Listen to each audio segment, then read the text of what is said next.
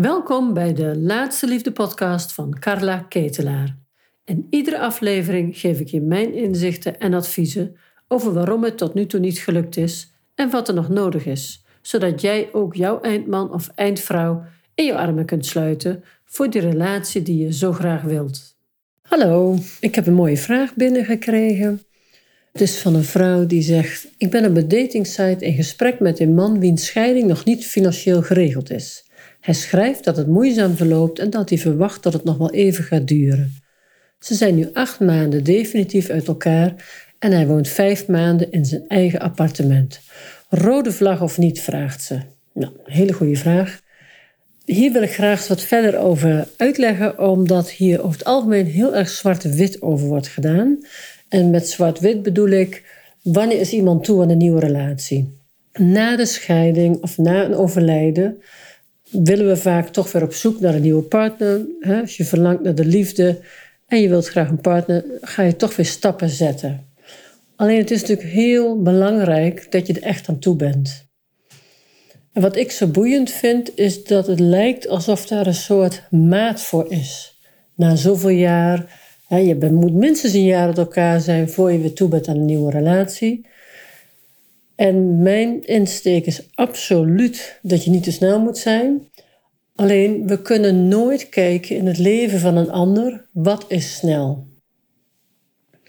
Wat ik interessant voor mij is van zo'n vraag, van deze nou, mooie vraag vind ik, die zij stelt, is dat er heel veel reacties op komen. En dan zie, je, zie ik in die reacties dat we het ergens in een soort maat willen gieten van als ik nou weet hè, dat het minimaal een jaar moet zijn, of twee jaar na een overlijden, nou, bla bla bla, dan heb ik houvast. Alleen, dit is schijnhouvast. Ik ken mensen die zijn al tien jaar uit elkaar en die zijn eigenlijk niet toe aan een nieuwe relatie. En dat heeft te maken met dat ze nog niet los zijn of bepaalde dingen nog steeds herhalen op de manier zoals ze in de relatie zaten. Uh, en er zijn mensen die zijn uh, een half jaar uit elkaar en die zijn wel toe aan de relatie. Hoe, waar zit nou het verschil in? Nou, er zijn natuurlijk diverse situaties die, ja, laat ik gewoon eens een paar verschillen noemen. Je hebt een scheidingssituatie die heel plotseling kan ontstaan, waarbij de een de ene dag zegt: Ik ga weg, ik pak mijn koffer, en de volgende dag is, is hij of zij vertrokken. Die situaties zijn er. Dan kom je zelf, als, als je achterblijft, zeg maar, in een soort shock terecht. Ben je in een shock, dan heb je langere tijd nodig. Dan ben je er echt niet met vijf maanden. Dan heb je daar lange tijd voor nodig om die pijn te verwerken, om ja, het leven weer alleen op de rit te krijgen. En dan heb je daar tijd voor nodig. En ook daar staat geen tijd voor. Maar ik raad altijd aan, ga dan hulp zoeken. Zorg dat je een uitlaatklep hebt. Het, ja, uh, dat je met iemand kan praten waar je geen verplichtingen meer hebt. Dus als jij fijne vriendinnen hebt en familie, hartstikke goed. Maar heel vaak zit daar toch een soort van verantwoordelijkheidsgevoel, schaamte. Ja, ook, ook ieder kijkt natuurlijk met een eigen blik naar de persoon, de vriendin, de, de broer of zus. Dus die mening loopt er altijd doorheen. En zoek je een professional, dan is dat lekker anoniem. Uh, die persoon kijkt met een bepaalde afstand en kan jou in dat stuk meestal beter spiegelen dan een bekende. Dus kom, zit je in zo'n afschuwelijke situatie, zou ik zeggen, neem tijd. En ben je aan het daten met iemand die dit heeft meegemaakt en die is net drie maanden eruit, dan is dit belangrijk om mee te nemen. Want hoe, op welke manier heeft de scheiding plaatsgevonden? En het is niet iets wat je in eerste twee, drie afspraken bespreekt, maar daar kom je achter na wat, wat meer afspraken. Die situatie vraagt langere verwerkingstijd. De andere situatie kan bijvoorbeeld zijn dat je al jaren als broer en zus leeft. Dat je eigenlijk al jaren weet van ja, weet je, dit is het niet. Maar nou ja, we zitten dan met de kinderen of wat dan ook. Welke redenen wij ook aan onszelf geven om langer bij elkaar te blijven, dat maakt niet uit. Maar het feit is dat heel vaak mensen gaan scheiden na een langere periode dat het al bekoeld is. Kom je uit zo'n scheiding, dan heb je een hele andere startsituatie. Dan kan het best, dan kan het wel zijn dat je na drie maanden alweer gaat daten. En zo is het ook met weduwe zijn, of weduwnaar zijn, of weduwe zijn. Uh, ook daar hebben we vrij snel een mening over. Uh, maar weten wij veel wat die persoon, hoe dat leven voor die tijd is geweest? Misschien was iemand al tien jaar ziek, bij al tien jaar mantelzorgen. Misschien was iemand al twee jaar ziek. Uh, op het moment dat iemand een, ja, een soort uh, vonnis krijgt over zijn gezondheid, hè, en daar bedoel ik mee ja, dat je weet dat je ernstig ziek bent, dan begint er eigenlijk al een rouwproces op gang te komen. Dus heel vaak begint het rouwproces van iemand die uiteindelijk zijn partner verliest al jaren eerder dan dat het ogenschijnlijk lijkt als iemand werkelijk overlijdt. Dus wat ik heel erg mee wil geven is wees genuanceerd met waar mensen uitkomen. De persoon waar zij het over heeft, hè, die man zit in de scheiding, is net gescheiden, acht maanden. En uh, is dit een rode vlag of niet? Ik zou zeggen, ga gewoon eens met die persoon in contact.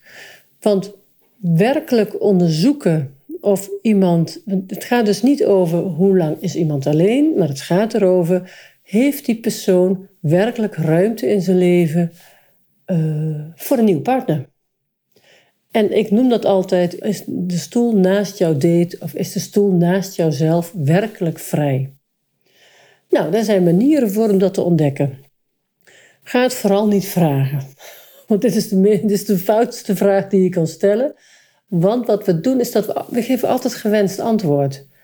Want als ik lekker aan daten ben en iemand stelt mij zo'n vraag, dan ben ik natuurlijk ook niet gek. Dan voel ik best dat die persoon er een beetje aan twijfelt of dat die zekerheid aan het zoeken is. En dan ga ik natuurlijk zeggen dat ik er aan toe ben.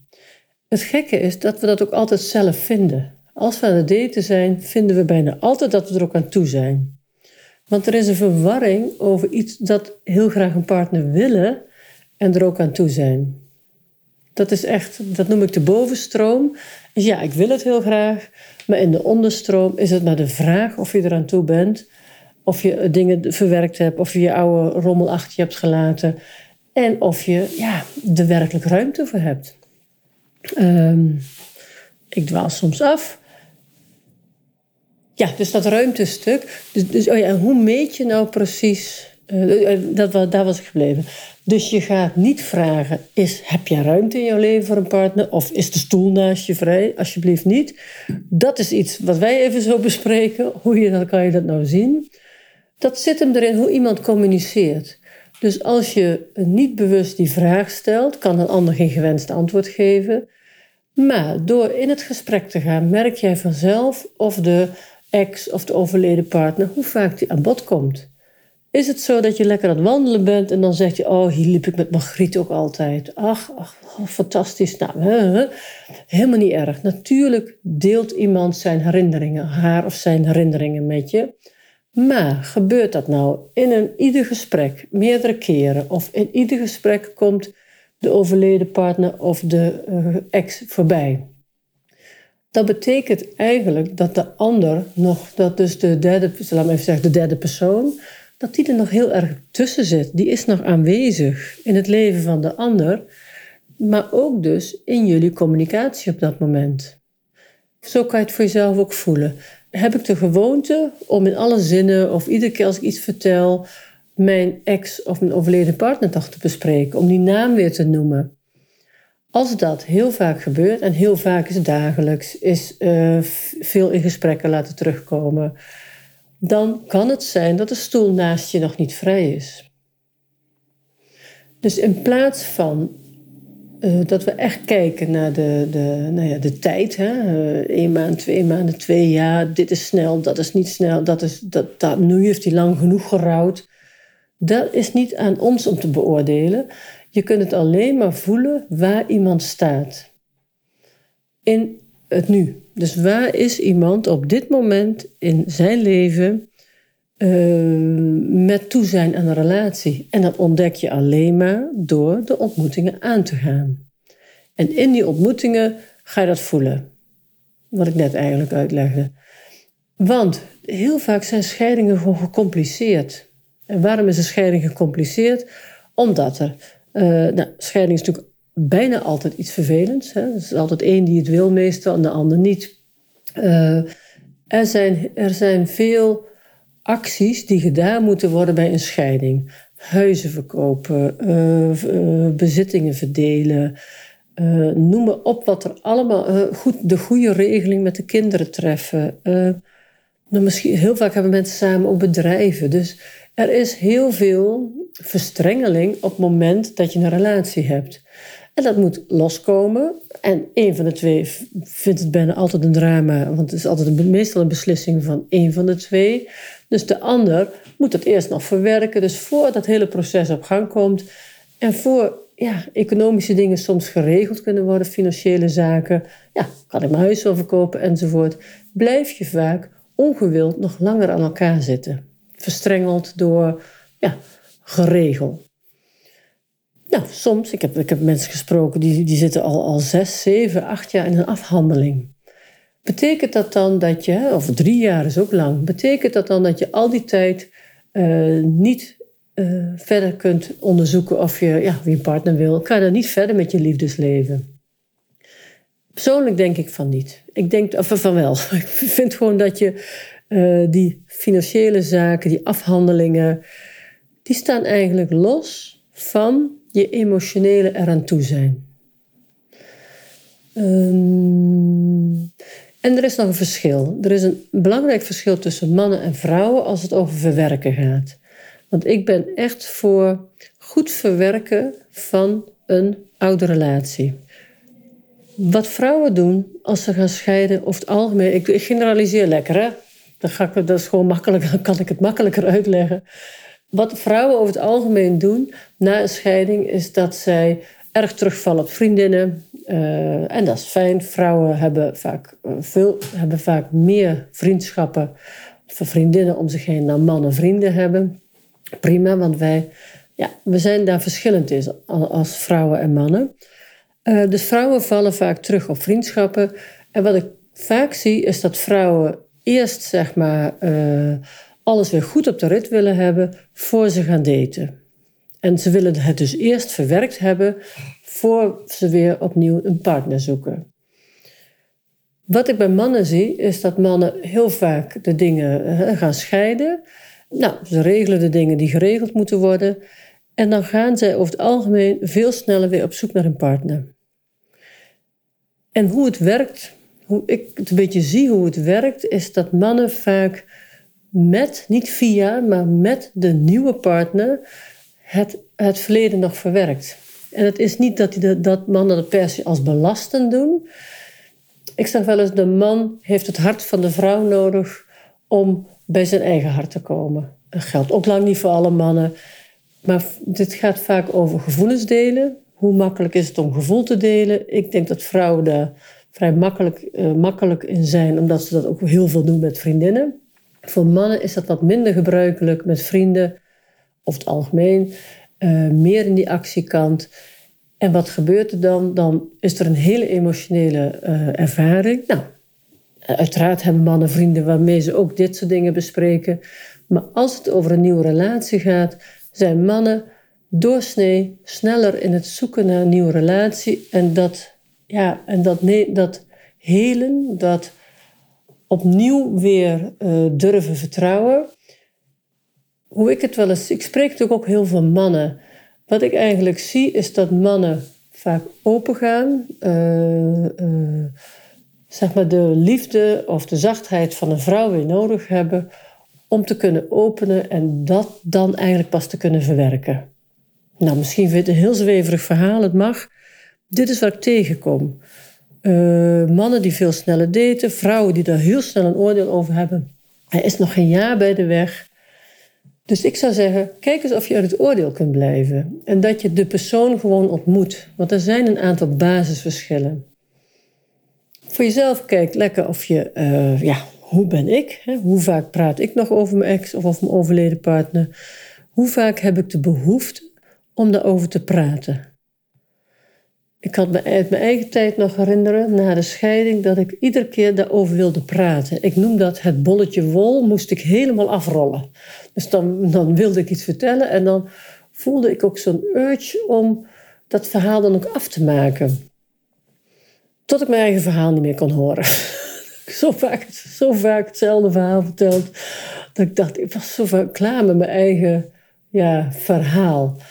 En ik voelde ook, uh, op een bepaald moment ben je ook uh, ben je verder met de verwerking. En soms blijven we dan nog in het verhaal zitten, terwijl de lading eigenlijk al. Ik was al stappen verder dan mijn verhaal, zeg maar, qua gevoel. Nou, dat realiseerde ik me. Toen ben ik ook met het verhaal gestopt. Ik had daar drie jaar voor nodig. Ja, je, en dat, dat is voor iedereen een andere tijd. Dat is geen maat voor te geven. Dus hoor je jezelf nog veel praten, nog veel bolletjes wol afrollen, zullen we maar even zeggen, dan is de plaats naast je nog niet vrij. En dat kan zijn als je tien jaar alleen bent, of drie jaar alleen bent, of drie maanden alleen bent. Dus de tijd maakt niet werkelijk uit.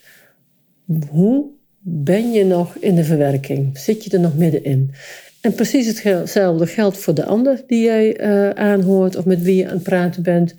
Omdat die persoon, uh, ja, op die manier kan je het eigenlijk ook afmeten aan hoe de ander communiceert. Dus als jij jezelf goed kent en voelt, ja, ik denk nog wel eens aan hem, of wekelijks, dat maakt niet uit, maar ik denk nog wel eens eh, aan hem of heel regelmatig. Ik hoef het alleen niet meer per se te delen met een ander. Want natuurlijk hebben we onze herinneringen. Ieder rot huwelijk, hè, als je uiteindelijk gaat scheiden, heeft ook mooie momenten gehad. Iedere uh, ja, relatie die stopte door overlijden, heeft over het algemeen ook heel veel mooie momenten gehad. En die, niet, die moeten niet weg, die moet je zeker behouden. Dat is ook echt iets wat je in jouw hart hebt. Maar is die behoefte heel groot om daar veel over te hebben, dan is er eigenlijk nog geen ruimte voor de ander. Nou, hier wou ik het bij laten. Ga bij jezelf na. Ben ik er aan toe? Is de stoel naast me vrij? Ontmoet je iemand die in jouw ogen erg kort alleen is? Ga de persoon ontmoeten voordat je er echt een mening over hebt. Ga eens onderzoeken. Ga voelen. Klopt dit voor mij? Is het een fijn iemand? En zo ja, als dit speelt, ga ik het, op de, ga ik het toch na een keer of vier, vijf eens te sprake brengen. En kijk eens hoe, hoe hij of zij reageert. Ik wens jou een hele mooie dag. Tot de volgende keer. Voel je geïnspireerd door wat ik vertelde? En voel jij langzamerhand ook weer jouw verlangen? Dat je het eigenlijk ook heel erg graag zou willen. En ik weet dat het bestaat. Ik help vrouwen er dagelijks mee. Ik zie mooie liefdes ontstaan. En als jij nu voelt, ja, misschien wil ik ook wel ja, geholpen worden, of misschien moet ik toch maar eens gaan onderzoeken of ik zelf wat stappen kan zetten. Ik vertel je er heel graag over. Ik doe dat in een gratis webinar. Daarvoor kun je je opgeven via mijn website laatsteliefde.nl. Kijk je bij gratis en dan zie je inschrijven webinar staan. Want geef niet op in de liefde. Het bestaat wel. Ook voor jou. Ik zie je graag.